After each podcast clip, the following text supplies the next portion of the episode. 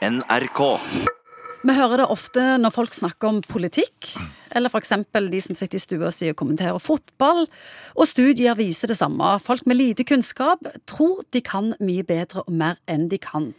Og det har faktisk et navn, psykolog Egon Hagen. Dønning-Kruger-effekten. Og hva er dette for noe? Ja, Det er noe med at enfoldighet mange gjør at du får en veldig sånn sterk tro på at de meningene du har, er riktige. Og mange har jo sagt det at jo mer bøker du har lest, og jo mer du kan, jo, mer, jo vanskeligere er det faktisk å være bombastiske. For du har sett verden på, fra veldig mange ulike vinklinger og vet at uh, den posisjonen som du betrakter verden fra, er overhodet ikke den eneste.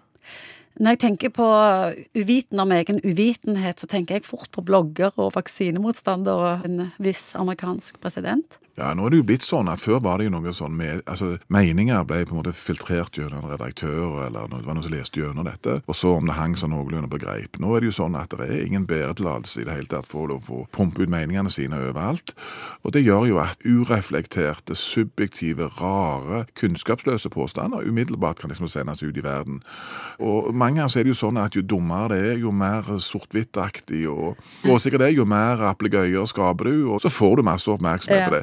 Og så, så hadde jeg diskutert det med, med noen kompiser og sagt hvorfor gir vi alle disse tingene oppmerksomhet? Hvis noen sier noe dumt, kan vi ikke bare gjøre sånn som vi gjorde i gamle dager mange ganger, at vi bare tier det i hjel? For det som skjer, er at jo dummere det blir, og jo mer oppmerksomhet det får, det skader bare saken om du hiver deg på dette. For det skaper bare flere og flere likes, flere og flere klikk. Dumheten stiger til overflaten på en helt annen måte enn før, syns jeg. Men er det ikke litt sånn at alle tror at vi er litt smartere enn vi er?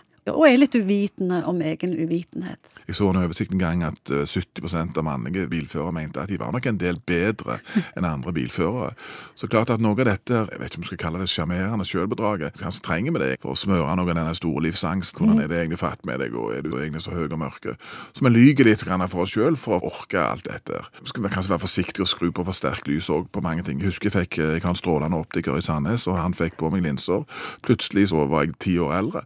Så jeg ser jo ting, kan du si. Men, eh, så det fins fordeler med vitenhet? ja. Så smalt det på noen år der i løpet av fem minutter. Men nå ser jeg jo. Men er det litt sånn eh, de gale har det godt å leve i uvitenhet? Det høres fint ut òg på mange vis. Ja, det er jo egentlig helt, det er jo en mekanisme mange ganger. at Den der uh, trua middelklassen, eller under middelklassen i, i Amerika, som føler seg så provosert av innvandring. Det er klart at Jo mer nagen posisjon du føler du står i, jo lettere er det på en måte å ty til sånne outrerte uh, mekanismer for å skru verden tilbake igjen til 1950 og 1960, for du føler deg trua. Tror det er noen sånne mekanismer òg, at du jump to conclusion, og istedenfor liksom, å forholde deg til denne enorme kompleksiteten som ligger bak hva som har skjedd i ulike samfunn, så ender du opp med litt naivistiske, enkle forklaringsmodeller som plasserer skylda veldig tydelig en eller annen plass. Og Historien vår er jo dessverre full av den type eksempler. NRK.